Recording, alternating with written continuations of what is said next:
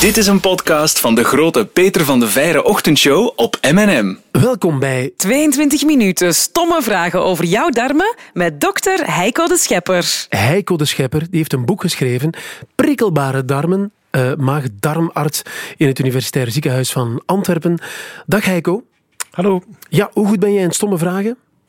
Um, redelijk redelijk oké, denk ik. Wat is de stomste vraag die je ooit over darmen hebt gekregen? Uh, de stomste vraag die ik ooit over darmen heb gekregen. Uh, ik heb ooit eens een patiënt gehad die dacht dat hij uh, vergiftigd werd door zijn buur en daar diarree van kreeg en daar moest ik een antwoord op geven. en hoe is dat afgelopen? na vijf minuten. Redelijk snel. Ja. Heel mooi.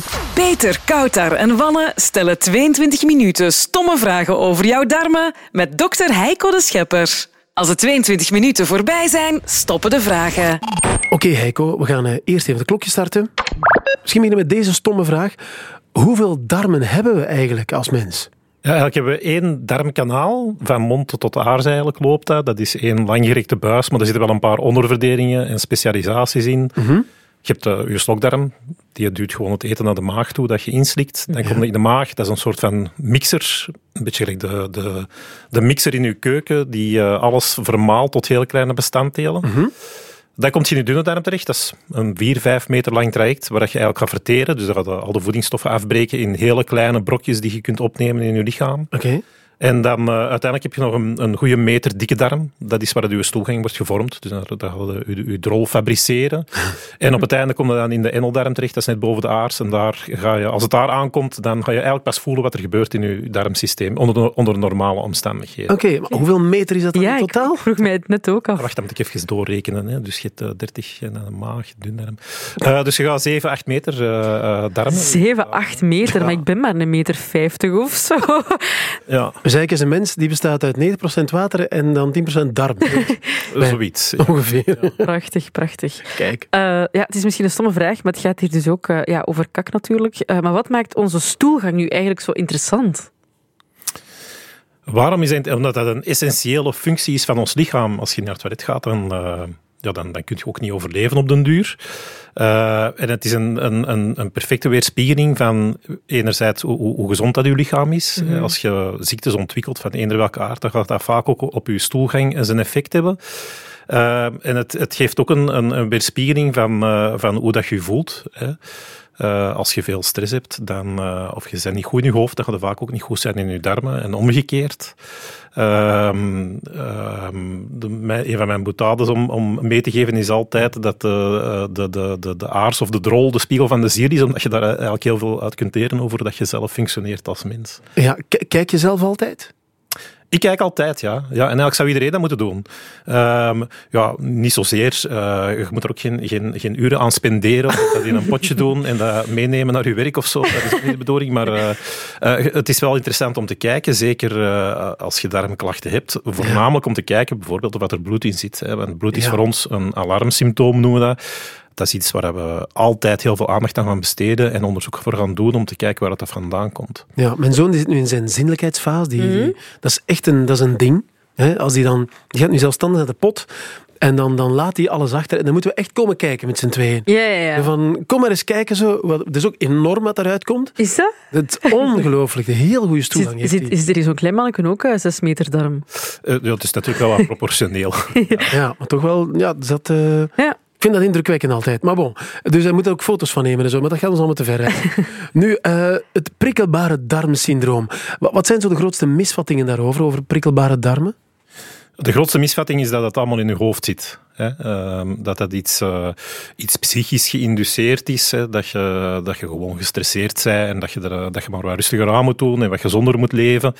Uh, en dat is het niet altijd. Hè? Het is echt een aandoening waar je als mens, zoals dat je op een andere ziekte ook geen vat hebt, je hebt op een prikkelbare darmsyndroom ook niet per se vat en kun je dat ook niet zelf mm -hmm. manipuleren. Mm -hmm. wat er wel waar is, is dat stress een, een invloed heeft op die klachten. Hè? Iedereen heeft darmklachten, of de meeste mensen hebben darmklachten als ze stress hebben. Weet je dat zelf ook? Als ik vroeger examens moest doen, dan zat ik eigenlijk heel de voormiddag ja. op de pot. Ja, dat is zo raar En er kwam, kwam amper iets uit. Ah, bij mij net omgekeerd. Ah nee, bij mij kwam er echt amper iets uit. Er was heel veel wind. Ja, bijvoorbeeld. Hè, dat, dat verandert gewoon even helemaal en dan, dan, uh, dan verdwijnt dat ook terug. Hè. De stress is weg en, Ja. en dat valt ook, ook terug op zo'n normale niveau. Bij mijn prikkelbare darmpatiënt, net zoals de respons op alles maal 10 is, eh, de filter is weg, de volumeknop staat op 10 zie ik altijd, dan komt alles eh, 20 keer harder binnen. Dus die gaan daar eh, enorm veel last van kunnen krijgen. Oké. Is dat eigenlijk iets erfelijk, het prikkelbare darmsyndroom?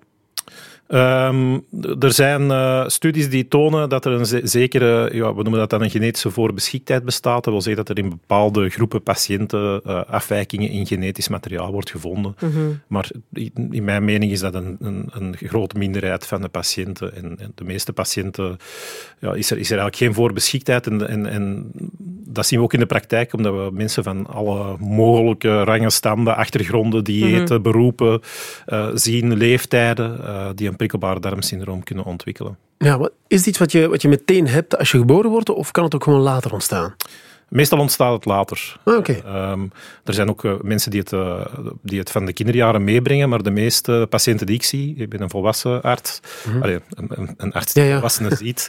Eh, en eh, ehm, daar zien we dat het, dat het meestal of heel vaak ontstaat na het doormaken van een, van een infectie. Eh, als je een salmonella-infectie opdoet, Ja. eh, een worst van de Aldi, dan eh, gaat je een infectie krijgen. Dat is normaal. Hè. Die bacterie gaat je darm ziek maken. Dan krijg je diarree, dan krijg je krampen. Dat is een, een normale reactie, want je lichaam wil dat beest zo snel mogelijk weg. Ja. Dus vandaar dat de poorten even open gaan.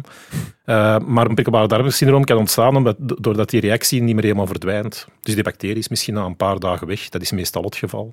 Maar toch blijft uw darm zich gedragen alsof dat daar nog van alles gaande is en blijft, blijft dat probleem Die dan- blijft gewoon alert. Dat is, het, dat is de reden dan. ja, overprikkelbaar. Hè. Het zit eigenlijk echt in de naam. Een hypersensitieve darm noemen we dat ook. Dus iets wat, dat wij, wat een normaal persoon of een niet ziek persoon niet voelt in een, in een, in een darm, gaat een prikkelbare darmpatiënt juist wel voelen. Ik heb soms patiënten die zeggen, ja, ik voel mijn eten door mijn buik bewegen. Oh, Oh, my. Ehm, en, en dat is eigenlijk voor een deel ook wat er gebeurt. Eh, de, de filter van de informatie die normaal gezien op alles wat in je buik zit Mhm. eh, eh, aanwezig is en die ervoor zorgt dat je niet continu voelt wat er in je buik gebeurt. Wel chance, want anders word je zot. Tuurlijk. Die, die, bij die patiënten eh, is die filter er niet meer. Dus die gaan wel continu eh, ongemak voelen in de buik. vreselijk, ja. Ja, ik heb ook wel het gevoel dat steeds meer mensen, dat, of, of het duikt steeds meer op of zo precies, of ik hoor er veel meer over. Is dat ook effectief zo? Ja, eigenlijk de, de, de epidemiologische cijfers, als je naar studies kijkt, die echt gaan kijken in de bevolking, hoeveel mensen hebben er prikkelbare darmsyndroom, dat blijft redelijk stabiel doorheen de tijd. Dat is ergens tussen de 8, en- 8 en de 10 procent. Dat is ontzettend veel natuurlijk. Ehm, ik denk dat het voor een deel ook komt omdat, omdat er ook wat meer aandacht voor ontstaat. Ehm, dat mensen er misschien ook iets gemakkelijker over praten. We kunnen daar ook allemaal over lachen, over stoelgang en over darmproblemen, maar eigenlijk is het een deel van het leven. Eh, en, en wordt er ook wel gemakkelijker over gepraat, heb ik de indruk. Dus mensen gaan met die klachten misschien ook gemakkelijker naar een, een arts gaan, in plaats van met winderigheid en diarree te blijven zitten thuis. Ehm, wat soms ook het geval is. Wat mensen natuurlijk willen weten, kun je daar nu van genezen? Genezen niet. Nee, spijt je nog niet. Het is geen, we kennen de exacte oorzaak niet, of het exacte mechanisme, dus je kunt ook dat niet wegnemen. Ah, jullie weten dat nog niet? Nee. Nee. Nee, we, we, we kennen wel puzzelstukjes. Er is een, een, een heel groot onderzoek geweest in, eh, in, in Leuven, bij collega's in Leuven.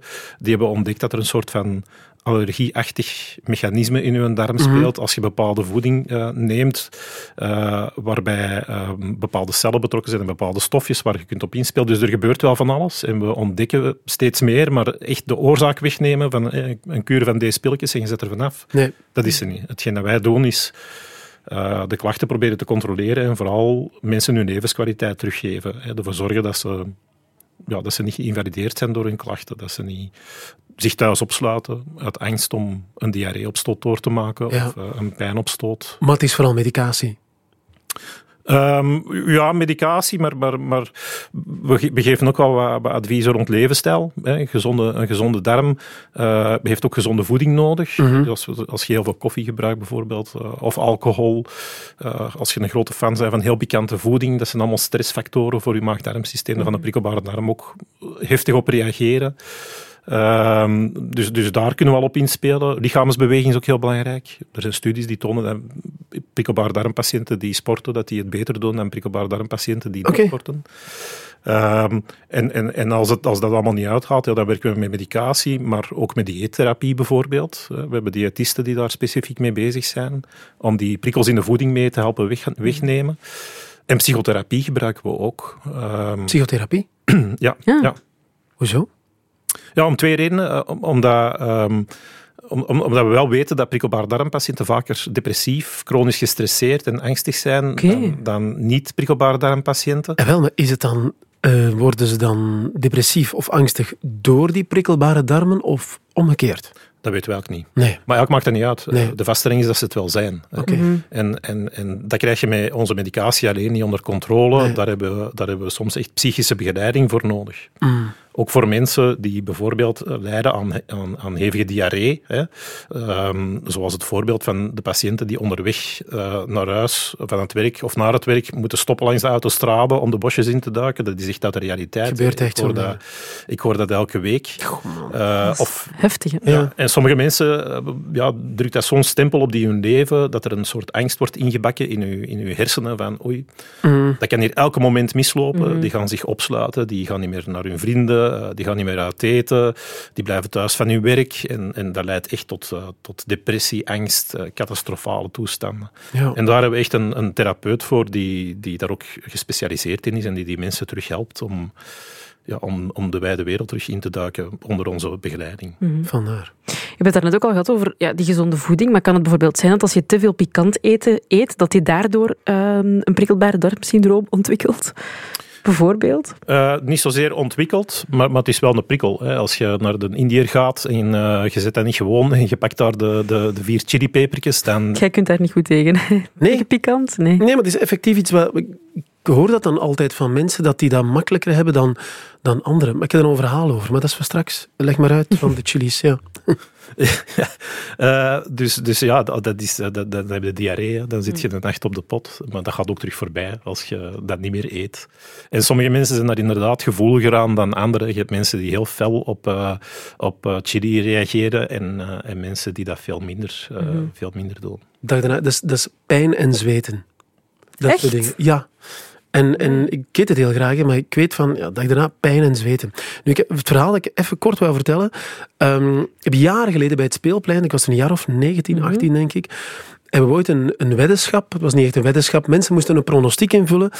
Hoe lang duurt het voor de groepsleider 12 flesjes cola met een rietje had opgedronken? Dat is een halve bak cola. Groepsleider was ik. Dus er was een pronostiek, heel veel geld mee verdiend toen. Maar ik heb er wel een week geen deugd van gehad. Dat er heel veel zuren in komen. Ik vraag me soms echt af of dat gewoon geen schade berokken heeft, zoiets. Eh, blijvende schade waarschijnlijk niet, maar cola is effectief zuur. Hmm. Eh, cola bevat eh, gas, Ja, cola bevat cafeïne, cola bevat heel veel suikers die wij ook niet zo goed kunnen verwerken als mens. Als je daar te veel van neemt, dan geeft dat ook eh, eh, problemen in uw darm. Dus, dus eh, de- er zijn vier fronten waarop dat cola, veel cola drinken eigenlijk niet zo heel interessant is. ja. Maar de truc daar is, is dat geef ik altijd aan mijn patiënten mee, ik, ik verbied niks qua, qua dieet, maar vooral matigen. Hè. Eh, Hmm. Als je drie liter cola drinkt, dan is het nogal wiedes dat je daar last van gaat hebben. Hè. Ja. Als je een liter melk op een uur tijd achterover kwakt, eveneens. Juist hetzelfde. Als je elke dag naar de frituur gaat en twee bikkeburgers eet, dan ga je ook eh Ja. vettig en diarree hebben. Dus ja, Ja.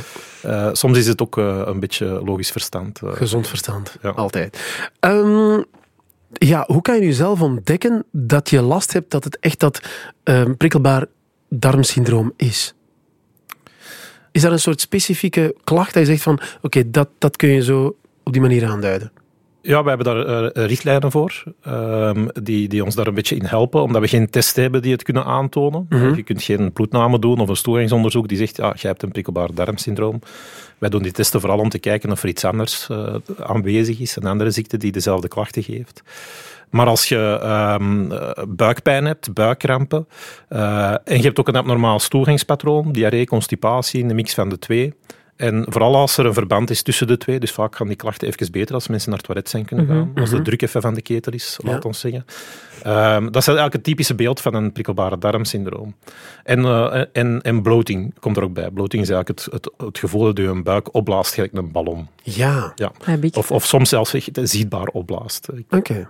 ik heb soms patiënten die een hele fotoreportage meenemen van hun buik in profiel. van Dit is ochtends, dit is middags, dit is avonds. En dan zitten die opblazen gelijk een, uh, gelijk een ballon. Ja, hè? oké. Is, dat, is het eigenlijk gevaarlijk, prikkelbare darmsyndroom? Nee, nee. Wel, in de zin gevaarlijk. Je gaat er niet van in het ziekenhuis belanden met een of andere ernstige infectie waar je antibiotica voor nodig hebt. Mhm. Uh, je gaat er ook niet van overlijden. Het is een perfect goedaardige aandoening. Um, maar, maar dat is maar één kant van de medaille. De, de andere kant is de, is de impact op je leven. Je kunt jij een goedaardige aandoening hebben waar je 100 jaar mee kunt worden, maar die je wel elke dag doodziek maakt. Of Mhm. doodziek doet voelen. En dan is de ernst eigenlijk nog groter dan bij een, een aandoening waarbij, dat je, ehm, ja, waarbij dat je misschien gaat overlijden na tien jaar. Mhm. Je pakt dat heel je leven mee. Uh, dus de impact op de levenskwaliteit is, uh, is enorm groot als je dat allemaal bij elkaar optelt. Mhm. Ja. Misschien een stomme vraag. Je bent uh, maag-darmarts. Wanneer beslis je om maag-darmarts te worden? Dat is een goede vraag. Ik wou eerst, uh, uh, toen ik pas uh, geneeskunde studeerde, wou ik hartchirurg worden, omdat dat degene waren die op de tv, in de programma's, de meeste succes en de meeste vrouwen scoorden. Ik dacht van, ja, ja, ja, ik moet daar eerlijk in zijn. En, Je bent wel heel eerlijk. Ja, maar dan, dan um, hadden wij de, de cursus maag-darmziekte. We hadden daar een heel bevlogen prof. En, en dat was zo fascinerend. En, en zo'n zwarte doos, je steekt er iets in en er gebeurt van alles en er komt een totaal ander pakketje uit.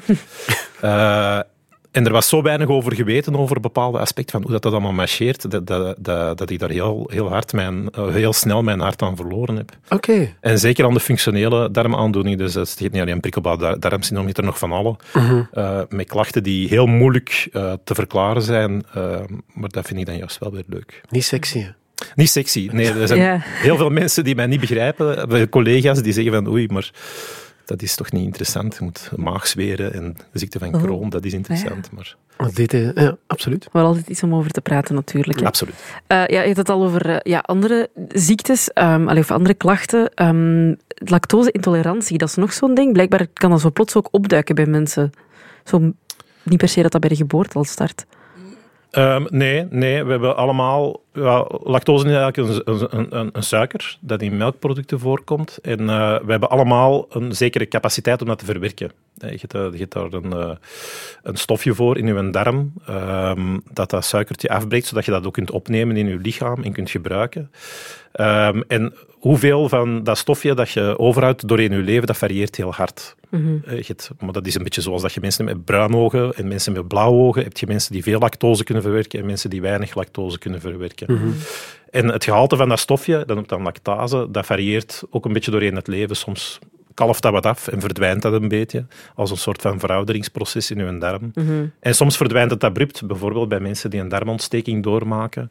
Uh, die een darm wordt doodziek, dat stofje wordt weggevaagd en uh, plots kun je geen lactose niet meer verwerken, maar dan komt dat meestal ook wel gewoon terug doorheen de tijd. Oké, okay. okay. ah ja, het kan, kan effectief gewoon terug. Het kan voorbijgaand zijn, ja. Oké. Okay. Um, stomme vraag misschien, maar welke kleur moet je stoelgang hebben om te zien dat je gezond eet? Uh, dat is een moeilijke vraag. Uh, het, het, zit hem vooral een beetje in de uiterste.